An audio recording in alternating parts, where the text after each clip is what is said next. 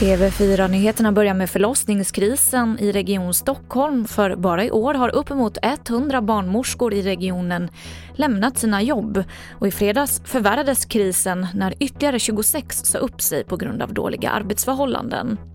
I fredags tillsatte Region Stockholm en förlossningssamordnare som nu under helgen har påbörjat sitt arbete med att försöka lösa krisen.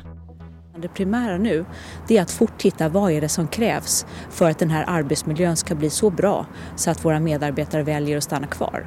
Man ska tro på att jag kommer till en arbetssituation som gör att jag kan äta när jag kommer, när jag behöver det, att jag kan få gå hem från arbetet när jag behöver det, att, att mina arbetstider är, är rimligt anpassade till det som jag själv har valt.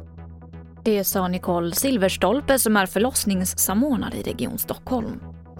Så till Norge där coronasmittan nu ökar. 1125 fall har registrerats under det senaste dygnet och det här är 484 fler än samma dygn förra veckan. Det här rapporterar SVT om.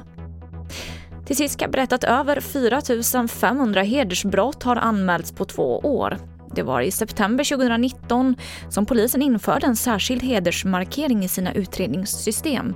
Och sedan dess så har alltså så många brott misstänkts ha ett hedersmotiv. Detta enligt nya siffror som polisen tagit fram för Ekot. Fler nyheter hittar du i vår app TV4 Nyheterna. I studion Emily Olsson.